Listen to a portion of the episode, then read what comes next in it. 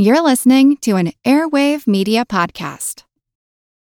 When you need mealtime inspiration, it's worth shopping Kroger, where you'll find over 30,000 mouthwatering choices that excite your inner foodie. And no matter what tasty choice you make, you'll enjoy our everyday low prices, plus extra ways to save, like digital coupons worth over $600 each week. You can also save up to $1 off per gallon at the pump with fuel points. More savings and more inspiring flavors make shopping Kroger worth it every time. Kroger, fresh for everyone. Fuel restrictions apply.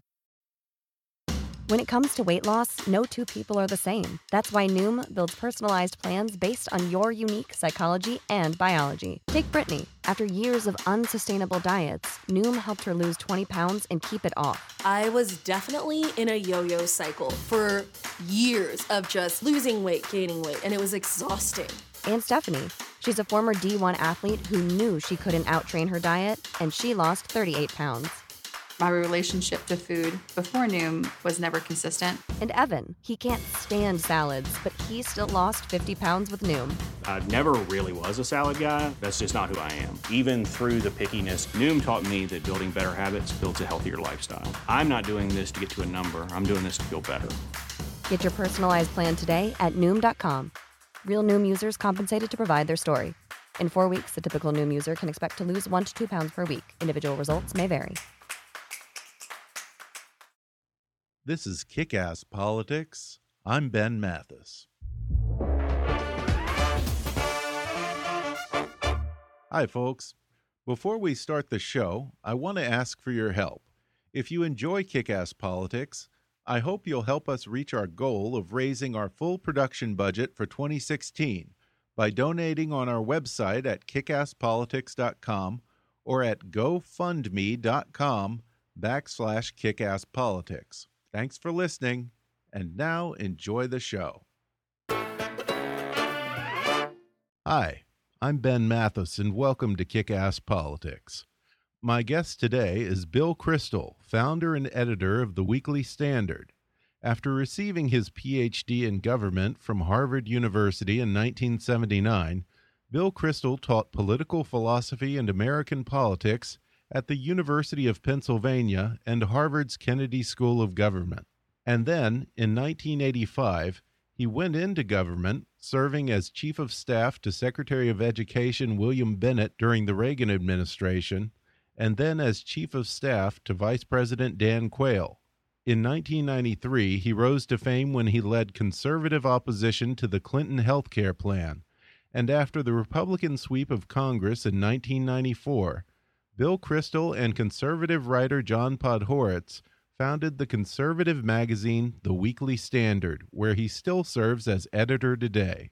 He's also been a columnist for Time magazine and the New York Times, and for 10 years, Bill Kristol was a regular political panelist on Special Report with Bret Baier and other Fox News programs, until joining ABC News in 2014 where he's now a political contributor to ABC's This Week with George Stephanopoulos. On today's podcast, Bill Kristol and I try our very best to avoid talking about Donald Trump for a whole 30 minutes. Spoiler alert, folks, we weren't very successful. We'll also talk about the other Republican candidates and whether they've missed their shot at winning the nomination outright.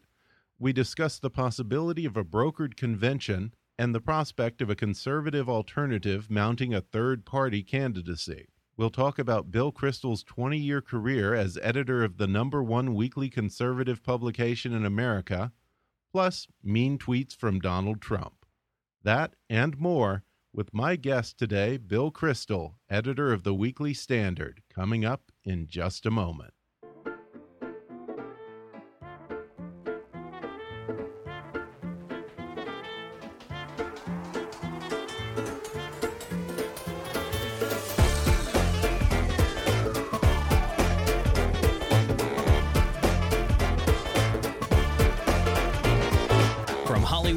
Washington, it's time for Kick Ass Politics.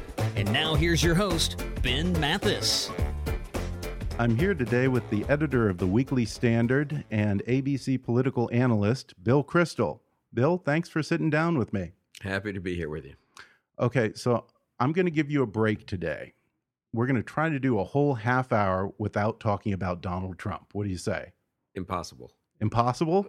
Okay. Well, So no. we'll- Uh, but. I'm, I'm happy to cooperate. If- Okay. If I can put him out Okay, of my let- mind, if we'll I can put him out of my mind for even half an hour, I'll be a happy person.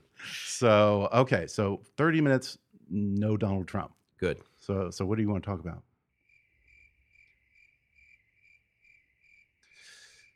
Okay. Who are we kidding? We're, we're, we're, we we, can, we can't do this. Okay, Okay. All right.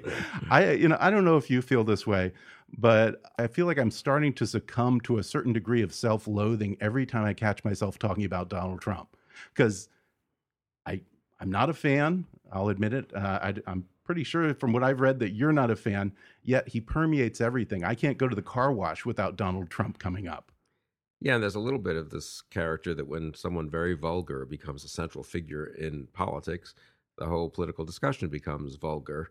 And if you're talking about the things he's talking about or talking about his appeal, uh, in a way, you do feel like you're you're being dragged down a little bit. Great political leaders elevate the discussion. Uh, demagogues like Trump, I do think, sort of drag us all down. I mean, there's no no alternative to it, and I don't mean to sound too you know, purist or sanctimonious or anything. Obviously, uh, we're all able to discuss all these topics, but uh, yeah, there is something a little depressing in a way about the centrality of Trump. But you got to give him credit; he has made himself the central story of the last six nine months of American politics, and maybe the next Yeah. six nine months. Right? Yeah, I mean, if Iran nuked Israel, I don't think anyone would report it. The main story would point. be what does Donald Trump say about it at Yeah. his press conference? You know, and now you're. But look, I mean, that's an amazing Yeah, achievement. getting nuked is for losers. But also, I think the extent to which, I mean, that shows what a marketing genius he is and sort of how deeply he understands the arts of public relations and making yourself central to the story, to the narrative. You know, the Yeah. thing, everything re- revolves around Trump. It's partly because he's been so successful, obviously. It becomes kind of self fulfilling. But I'm sure people will study this campaign, whether he wins the Yeah. nomination or not, certainly whether he wins the presidency or not.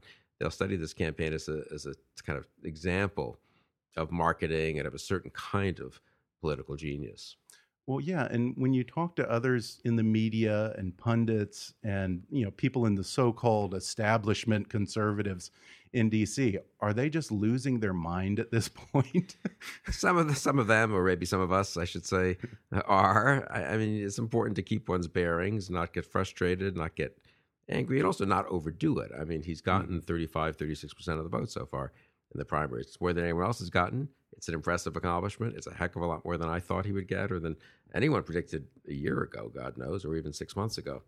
But it's 35 percent. It's not 55 or 75 percent.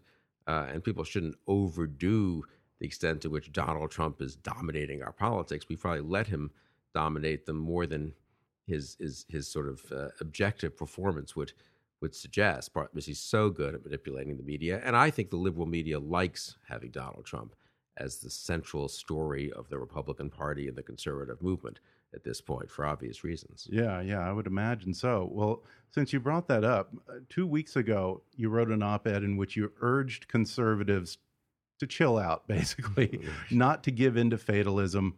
And as you put it, you said you basically to put your energies into making the case against Trump. Haven't we done that at this point? I mean, Mitt Romney's come out, George W. Bush. I, I'm trying to think of who who the who's the who who's left that would actually matter to Trump supporters. Well, I mean, look, there are Trump supporters, and he's got a hardcore of support, and maybe that's 25%, maybe it's 35% of the Republican electorate. There are a lot of other people, though, whom he'd like to get over. He's got to get to 50% at some point. Right. Uh, and a lot of those people are uh, influenceable. I think Mitt Romney came out after my edit, that editorial you quoted, and I'm not taking any credit for that, but I think that was a good thing. But really, the truth is, George W. Bush hasn't really said much. I Oh, mean, he hasn't? campaigned for Even his when he was campaigning well, but he didn't brother? mention the word Trump. It was sort of like us at the beginning of the show. You know, and he said he alluded to Trump and said you shouldn't fall for this kind of thing. Dick Huh. Cheney was on TV after Trump attacked Bush and Cheney for lying us into war. And again, sort of, of course, he he demurred and didn't like it, but he didn't really criticize Trump. Um, so I, I do think there are lots of Rush Limbaugh's finally begun to criticize Trump a little. An awful lot of conservative leaders have uh, accommodated Trump, shied away from taking him on. Some have kind of normalized him, explained how you can work with him.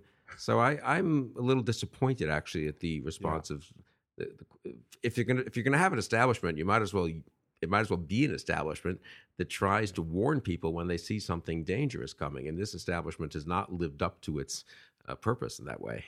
Is there one political figure that or establishment figure that you can think of that would actually mean something to those more moderate Republicans or independents?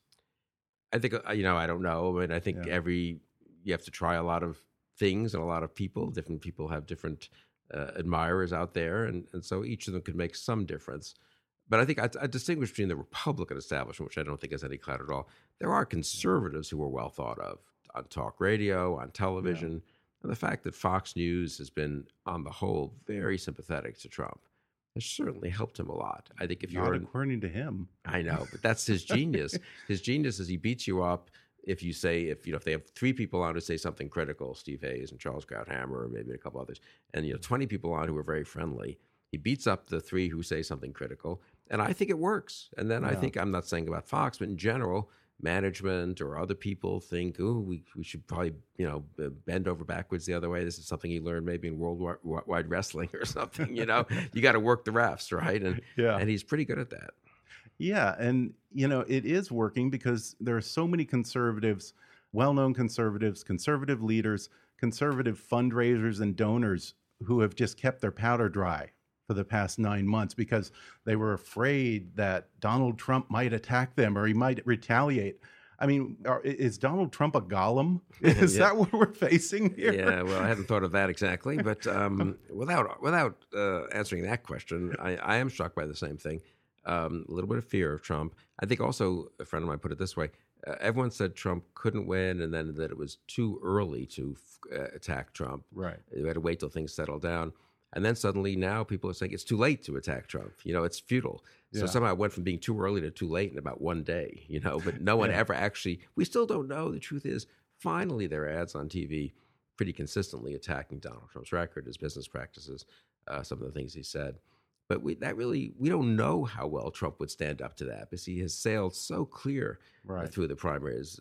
Bush's super PAC spent what, 15, 20 million dollars attacking Marco Rubio? Maybe a Right. couple million Yeah. criticizing Donald Trump. Yeah, yeah, it's amazing because you know people treat him like he's superhuman, and he's Right. not. I think that's like really I said, he's not a golem here. it's really an important point. I mean, he, look, at this is what happens when you're successful. Reagan was able to pull this off a little bit. Clinton during impeachment, people looked amazed as his numbers went up, despite everything that came out, and it became almost like a mystical thing. And and, and you were foolish if you said, "Gee, you know what? We should hold him accountable for lying to a grand jury, even if he is popular." And why don't we explain to the American public why this is serious and it matters? And people at some point become very pseudo sophisticated, and you feel like you're kind of a, I don't know, kind of a buffoon, not a buffoon, but sort of a earnest, you know, moralistic person. If you say, wait a second, I mean, fine, he won a couple of primaries, but do we really think it's appropriate that he says A, B, or C? Or do we think this is the kind of person we want to have as president? People say, "Oh, come, you know, get with it. You know, you don't, you just don't get it, Bill. You know, the public is with him, and and in a democracy, that's a powerful statement. Even though, of course, the public Yeah, can be wrong that's at least for a while. That's true, and I keep trying to figure this out. You know, what's at play here? You know, I, is there something that I just don't get? Well, You know, one thing you know, when I ask people who who are the Trump voters, why what is behind this? Because no one I know is behind this, and they keep saying they're angry. They're people who are angry and disillusioned, and I'm looking at that and I'm thinking, by what? I mean, I don't want to give Obama a bunch of credit, but we're not in a in, an economic downturn. We're not sending thousands of people to a, a foreign war. I mean, are are there that many people who are really that miserable out there and angry? What are they I angry mean, about? I've had the exact same thought and asked the same question. I think it's a good one. I mean, I do think a combination of things made Trump possible, and I do think people sometimes overinterpret it almost as if there are deep social forces and that produced Trump and Trumpism. There are some, obviously, and that's worth exploring. We've had articles in the Weekly Standard looking at that, but a lot of it is uh, uh, the accident of particular individuals at particular times, and then Trump's uh, combination of genius and luck in exploiting the moment. So Obama, I do think there's been a, a such reaction to Obama, especially in the last year. Uh, Republicans won in 2014. Big, they took the Senate, good victory. Everyone thought, well, finally we've sort of checked him. And he, and to his credit, I would say in a way, decided I don't care. I'm going to push everything I can as far as I can, whether it's the Iran deal or immigration executive orders. And he just, you know, chugged ahead um, on his agenda and uh, Republicans just got more and more frustrated and angry. I did too that he at what he was doing to the country. Then Republican voters looked up and saw that the some of the elites, some of the establishment, not me, I wasn't part of that. I was against that. Uh, decided, hey, Jeb Bush, he'd be a great nominee. Let's have a Bush Clinton race. So after 30 yeah. years of arguably not great performance by our political elites, we're going to take one Clinton and one Bush and make them the two nominees of the of the two parties. So I think uh, no Obama, no Trump, no Bush, no Trump, no Clinton, perhaps no Trump if Scott Walker had run a better campaign, maybe he would have taken up some of this oxygen. Mm. So Trump benefited from a lot of particular, uh, you know, things that happened or didn't happen, and then was able to exploit them awfully well. Yeah, and it's interesting because this anger that was directed against Obama has kind of turned on us, and I guess this is an a little bit of an extension of the Tea Party over the past few years um, maybe it's an inevitable conclusion. I don't know. But you know, I, I was a defender, and I am a defender mostly of the Tea Party. Yeah. And what's most one of the most disappointing things about the Trump phenomenon is the degree to which the Tea Party was about what restoring constitutional government, limited yeah. government. That was really the heart of the, the debt, things like that. Trump is utterly uninterested in all that. Yeah. So Trump is really corrupted in a sense. The I would say mostly healthy populism of the Tea Party, and encouraged the anger uh, encouraged a kind of anger that doesn't care much about solutions, but just wants to lash out. Um, he's been quite brilliant in how he's done that, but I think in that way he's done damage to what was, I think, fairly healthy conservative populism. Has turned it into, unfortunately, in this instance, with his leadership, a kind of unhealthy. I won't even say conservative, but populism of the right. Yeah, and you know, as I don't know if you would call yourself a member of the establishment, but I know others would perhaps does it bother you that that term has become something of an epithet? Wasn't that a good thing to be established? Well, it's both good and bad. I think it's often been used in modern politics, both in Britain and here, as an epithet. Uh, and I myself have many times, and I've associated with the insurgents many times against establishment figures. But at some point, the net gets it gets cast so broadly that you know Marco Rubio, who is the establishment. He defeated the sitting governor of Florida in a fantastic right. insurgent campaign in 2010. Ted Cruz is about to become the establishment, I suppose, now that he's standing in Donald Cruz's way. He's a guy who's fought as bitterly with the establishment as anyone uh, around.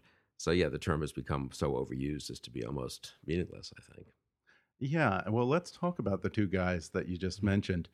In your most recent op ed, you, along with others, have called for this in saying that Ted Cruz should bow out in favor of Rubio in Florida, and Rubio and Cruz should essentially bow out in Ohio in favor of Kasich. Now, if I'm Ted Cruz, I'm thinking I'm running a close second here. You guys want me to take a dive on the two of the biggest winner take alls? Well, the rest of that would be that I think the other candidate should withdraw a little and let Cruz do well in Missouri, North Carolina, and, oh, okay. and Illinois. So, okay. No, I think there has to be, and there is, I think, right now, a de facto agreement among the three of them that it's in all their interest to uh, stop Trump, that they're helping Trump by dividing the vote as much as they can. And maybe Rubio will get out, the first of the three, uh, pretty soon. But as of now, they're all in.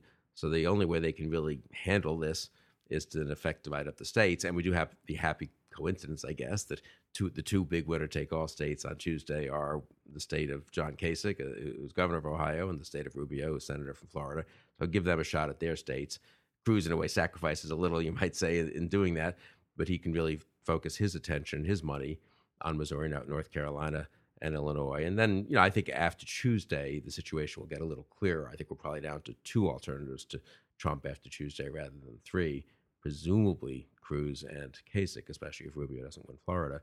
And then, then I think they'll also they'll both stay in, and I think they probably take votes from different parts of the spectrum and probably do better in different states. Um, be, and I think this race is not over. People are being too fatalistic, as as you said before, or as you quoted me saying before. But I, I, can I hold to that view still. Uh, you know, it's funny. It's a year with huge amounts of twists and turns, zigs and zags, unpredictable things happening, and then the media having commented on this, and all of us noticed this over the last year, suddenly decide actually everything's going to go according to plan now, and, and nothing weird could happen, nothing surprising. but if, if we've had a lot of surprises yeah. already, why can't we have more surprises? Yeah, that's true.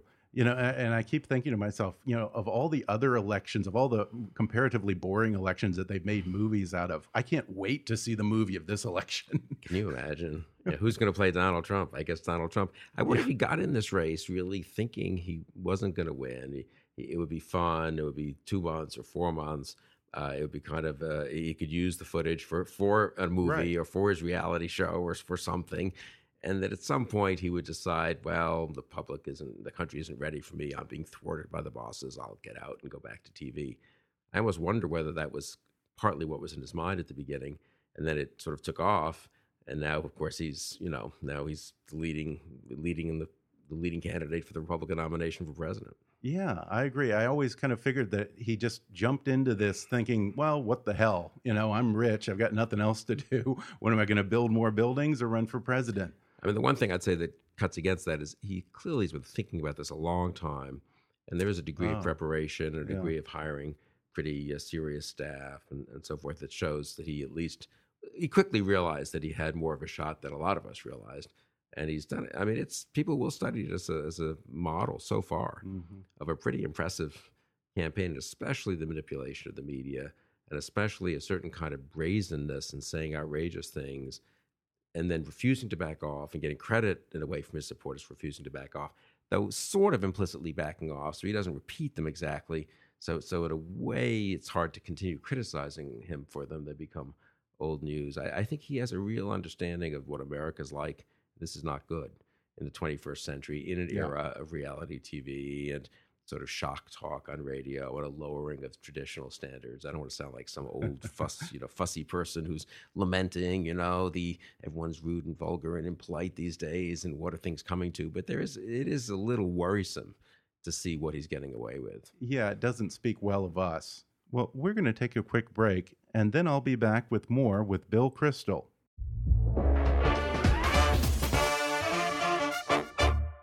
Hey, folks, do you like reading but you don't have the time? Then maybe it's time to start listening to audiobooks. Audiobooks are the perfect thing to listen to on your drive to work or on the treadmill at the gym, or how about while you're cooking dinner or relaxing in the tub? You don't have to carve out an hour or two of your day just to focus all your attention on reading a book anymore, because audiobooks are great just about anywhere. And right now, you can listen to an audiobook for free with a special promotion for our listeners from audible.com. Just go to audibletrial.com backslash kickasspolitics for a free 30-day trial and a free audiobook download, which can be any of Audible's 180,000 titles for your iPhone, Android, Kindle, iPad, or MP3 player.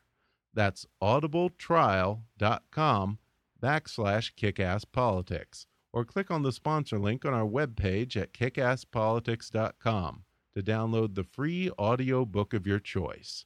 And now, back to the show. We're back, and I'm talking with Bill Kristol, editor of the Weekly Standard. Well, let me ask you about Rubio. What happened there? Because uh, from by most accounts, he's played this right every step of the way. He's killed every debate. Uh, Other, I mean, unless we are just single issue voters and all we care about is immigration, what what what's behind the collapse so far? Well, I think that was a bigger problem than elites thought. That one I was right about. I was against the immigration bill, and I Ah. remember telling I, mean, I know Rubios a little bit and talking with him and his people, and uh, thinking that that was a very bad. Whatever he believed, I think he was sincere, but politically warning that would be a tough hurdle to overcome later. And I think I Mm-hmm. think that turned out to be correct. He had one big mistake, though. You say he killed all the debates. Of course, he had that terrible yeah, um, freeze up in New Hampshire. And people forget he had done well in the last week in Iowa. He'd come in third. He, he was moving up in New Hampshire. I saw private polling that really showed he was likely to run second, pretty close second probably to Trump. And then he just had that horrible thing and he collapsed in New Hampshire. He recovered from that the next week and did decently in South Carolina, but in a way, he's never really recovered from the what might have been if he had run a strong second in New Hampshire. So that is a case where one 90 second stretch in an exchange with a guy Yeah. who got out of the race the next week, Chris Christie, um, could end up of having influence in this race. You know, once something happens, I mean, now everyone's like, it's inevitable somehow that Trump was going to win or Rubio couldn't make it. But I'm not sure that's true. If, if he hadn't made that one mistake, we could be looking at a very different situation today. you know, in the summer and the early fall, all of his people and the pundits kept saying his whole strategy was to hold back.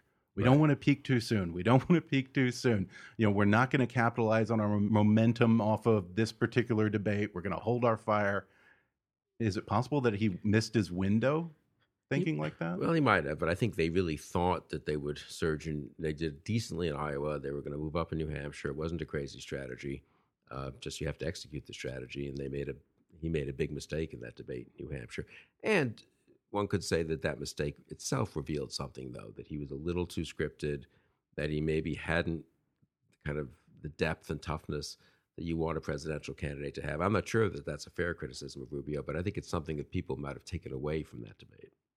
Is the only hope for everyone but Trump that we're going to have to take this to the convention? Can we, at, at, any, at this point, can anyone win without taking it to the convention? I think you can write a scenario where Ted Cruz actually wins without, you know, wins, gets enough delegates before the convention, just runs ahead of Trump, beats him in a lot of these later states. But that's a little unlikely that he would do that well. So more likely, uh, the most likely scenario right now, I suppose, is unfortunately that Trump wins. But the second most likely, I think, and I think it's relatively close second, is that no one gets a majority of the delegates. Uh, that Cruz maybe comes pretty close to Trump, maybe even surpasses him in absolute number of delegates. And so we have a no, no one with a majority. We have a, only pluralities, and we go to the convention as we should in those circumstances. Mm-hmm. And the delegates will have to decide on a second ballot uh, who they want to nominate, and there will be an interesting debate at the convention. You know, political scientists and political observers like us have yearned for a contested convention for my entire adult lifetime. We almost had it in '76 yeah. in Kansas City with Reagan and uh, and uh, Ford, and then Carter Kennedy a little bit in '80, and that was sort of it. And so I guess we should beware what we wish for because God knows what that will actually look like and, and what, what it will produce as a, as a result. But, you know, look, people talk about it as if the, the, the elites are going to take it away from Trump. No, if he gets less than 50% of the delegates, then by definition, he doesn't have a majority going into the convention. Right, right. But is there some flaw in the assumption that everyone else's delegates will immediately go to Trump? Absolutely. I mean, Cruz's delegates could theoretically. Yeah, or Kasich, or Trump. they Trump could make yeah. Kasich his VP, and the Kasich delegates could could go to Trump. No, absolutely. I think people yeah. are over are, are being eh, once it you know, Trump is a good deal maker, as he likes to say. and I do think a lot will depend yeah. on who's got the most delegates. How many delegates does Trump in particular have? If Trump has 48% of the delegates, I don't think it'll be possible probably to deny him the nomination. Yeah. You know, if you're looking at a situation where Trump is at 38 and Cruz is at 36 and Kasich's at, I don't know, 17 and the rest mm-hmm. are scattered, um, you know, that's a very different situation. Well, you know, worst case scenario, let's say that he does get the nomination do you think Trump will fall in line with the GOP platform, or do you think that the party will have to conform to him?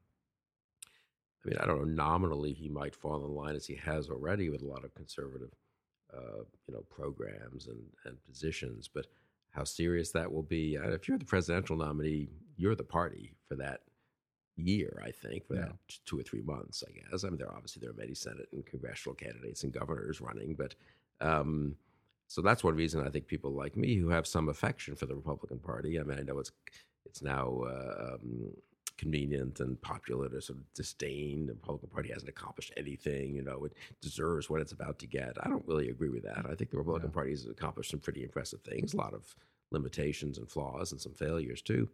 Uh, but no, it'll be. This is one of the most depressing things for me: the notion that the Republican Party of Reagan and of Bush and of McCain, even Romney, who I wasn't you know crazy about, but I think is a decent man and ran on a decent yeah. platform. The idea that that's going to become the party of Trump, I find dispiriting, and I would have real trouble supporting Trump in a general election.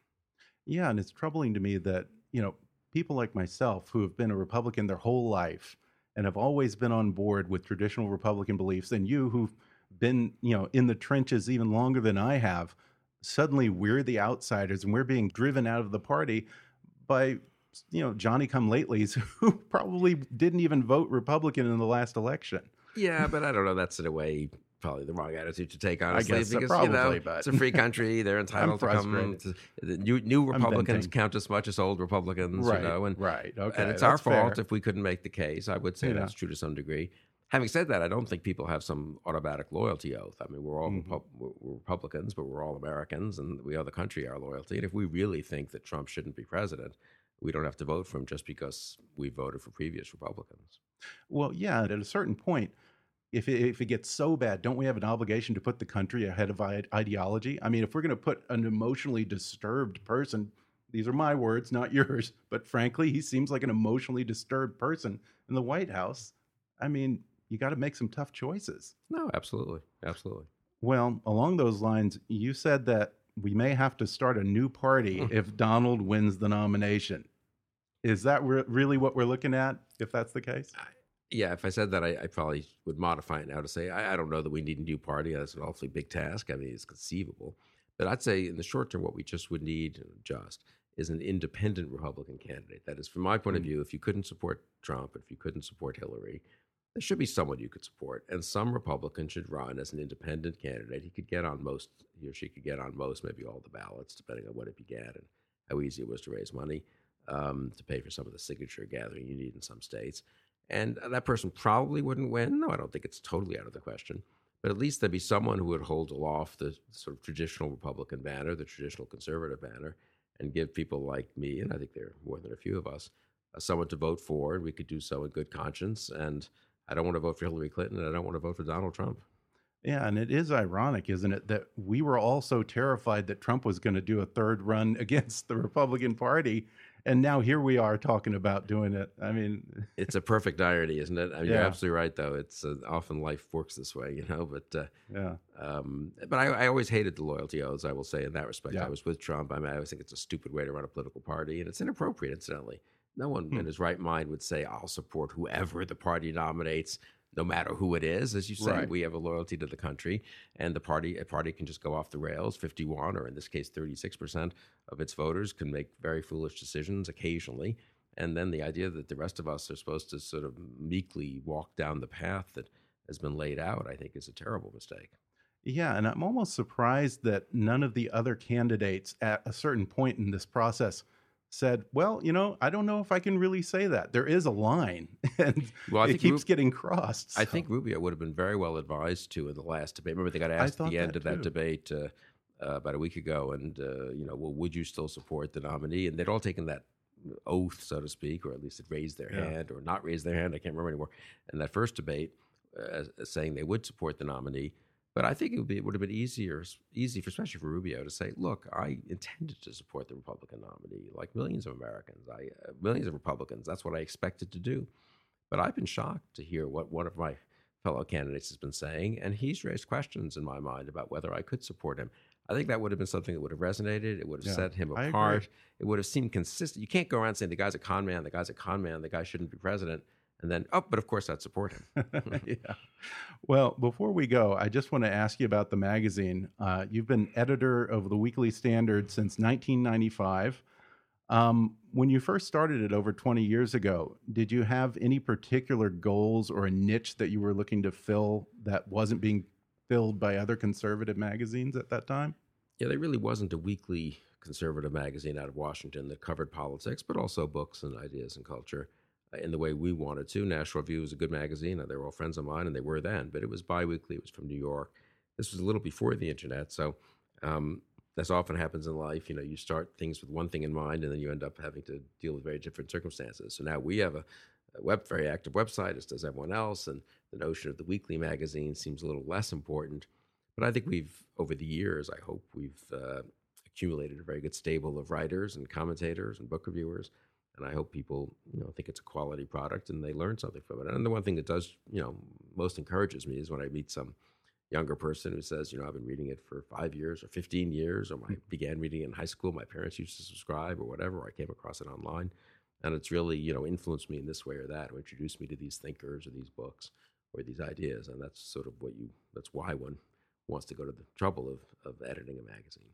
Well, your father, Irving Kristol, was a great conservative thinker, and he was editor of Commentary, and he founded another magazine, The Public Interest. When you got this wild hair to start a magazine, did he ever give you any advice as one editor to another? Not much. He pretty much left me alone. And I hadn't yeah. really gone into this business. I had been a professor and then in government, so it was somewhat of an accident, you might almost say. Fred Barnes, uh, who was at the New Republic, said, "Hey, I think we could, there's room for a weekly conservative magazine," and I had done some politics after being in the White House and thought, well, this might be an interesting thing to try to do. I think his main advice was not to overthink things. You know, if you get a good article, publish it. If you have interesting yeah. things to say, uh, find the best writers, uh, give them room to say what they want to say, don't worry too much about what some magazine editors worry. I've got to have one article on this and one article on that, and this is in the news, and we have to comment on that. One great thing about not being Time or Newsweek or the New York Times or the Wall Street Journal is you don't have to cover everything, right? Yeah, so you really try to publish. If you have Chris Caldwell has Yeah. fast, fascinating things to say about the, mig- the the migration crisis in Europe. You publish Chris Caldwell four thousand words on that. You don't feel like you have to have a piece on the World Bank or something just because that's Yeah. in the news. So I've I've tried to follow that kind of uh, not be everything to all people. Uh, publish interesting material. Hope that stimulates people, especially young people. Obviously, most people who read magazines are older. I mean, they have the time and the money, and you know, young people are busy uh, going to school or living their lives and going out at night or starting families. but um, I, I really always have in the back of my mind that I'd like be nice if I felt that. Uh, uh, some young people somewhere got you know were introduced to different thinkers, different ideas, different books uh, through this magazine. Yeah, and it's a terrific publication. I encourage everyone to get a subscription to the Weekly Standard or go to weeklystandard.com. You guys also have a great podcast, the Weekly Standard podcast, uh, and you're a frequent guest on that as well. Well, thank you, thank you. The checks in the mail for that nice endorsement. Oh, so anytime, anytime. You know, let me write an article for you instead. How about that? that'd be fine. Um, well, we're going to wrap it up here, but I'm just curious. You know, you and Trump have had an interesting little rivalry, uh, as people can probably figure from our conversation. Do you have a favorite Donald tweet about yourself? I think he mostly just says that I edit a failing little magazine, and uh, that's you know we're losers like everyone who doesn't like him. And at one point, I think he tweeted that I was he had heard that I was embarrassed to go out on the street and show show my face on the street. Everything so I was I was being so discredited by opposing him. Um, you know, we laugh about it. I of course we laughed about it in the office, and I do it in good humor. But there is something about him, the kind of bullying that is, I'd say, I really can't think of another president who behaves or has behaved quite that way. Privately, they could be that way. They're not all the nicest people in the world, the American presidents, and uh, I'm not a big fan of some of them. And but the degree to which he's sort of legitimized a kind of um, public bullying, not just to the media, but of any opponent and of any critic, isn't healthy, really. You know, for for a democracy, and and it's one of the things that I think I worry about. If he gets away with this, it sort of legitimates people doing this from all parts of the political spectrum uh, in ways that aren't healthy. One of the great things about America is a certain kind of sense of, you know what, say what you want, and and maybe it's unpopular for now, but maybe it'll be proven right ten or twenty years from now. And you don't really get to say to someone, "Hey, you're a loser. Shut up." Yeah, and there is something very malignant about it all because he always seems to go to the most personal place and to go Right. to go after whatever someone might be most insecure about, make fun of someone's nose or something. And he's shrewd And about that, I guess. which- disturbing. Which, is, you know, what bullies are, and and and uh, they can they it gets them some short term victories and successes in life, Yeah. I suppose. But I would like to think it doesn't get them the presidency of the United States. Well, to your credit, he said that the Weekly Standard is only a slightly failing magazine. Right. Everyone else, you know, they're just they burned it to the ground and they're losers who've destroyed everything. You're you're only a slight loser, apparently, according to Donald Trump. So I, I take appreciate heart. I appreciate that praise. Thanks a lot. Well, Bill Kristol, thanks so much for taking the time to sit down with me. my pleasure. Once more, I want to thank Bill Kristol for coming on the show.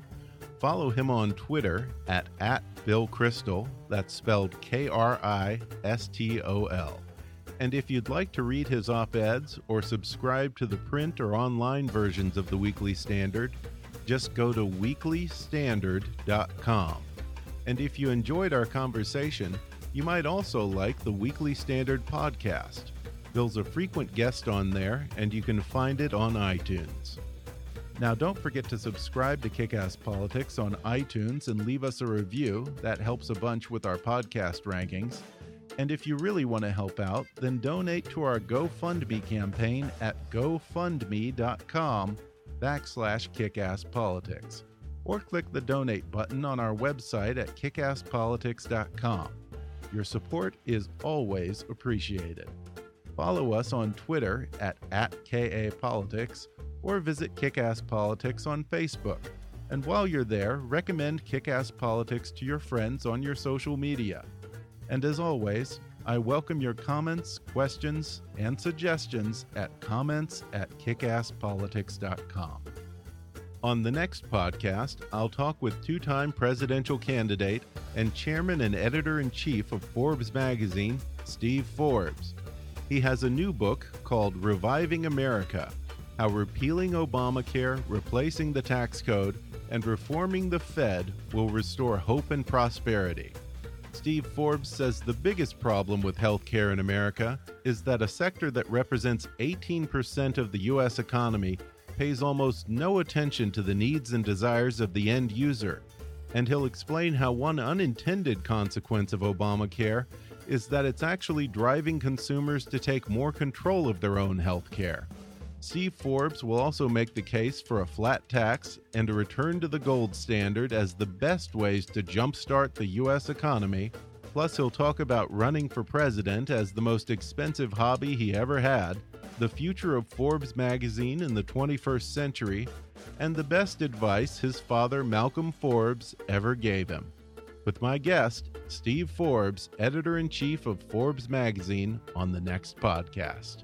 Until then, I'm Ben Mathis, and thanks for listening to Kick Ass Politics.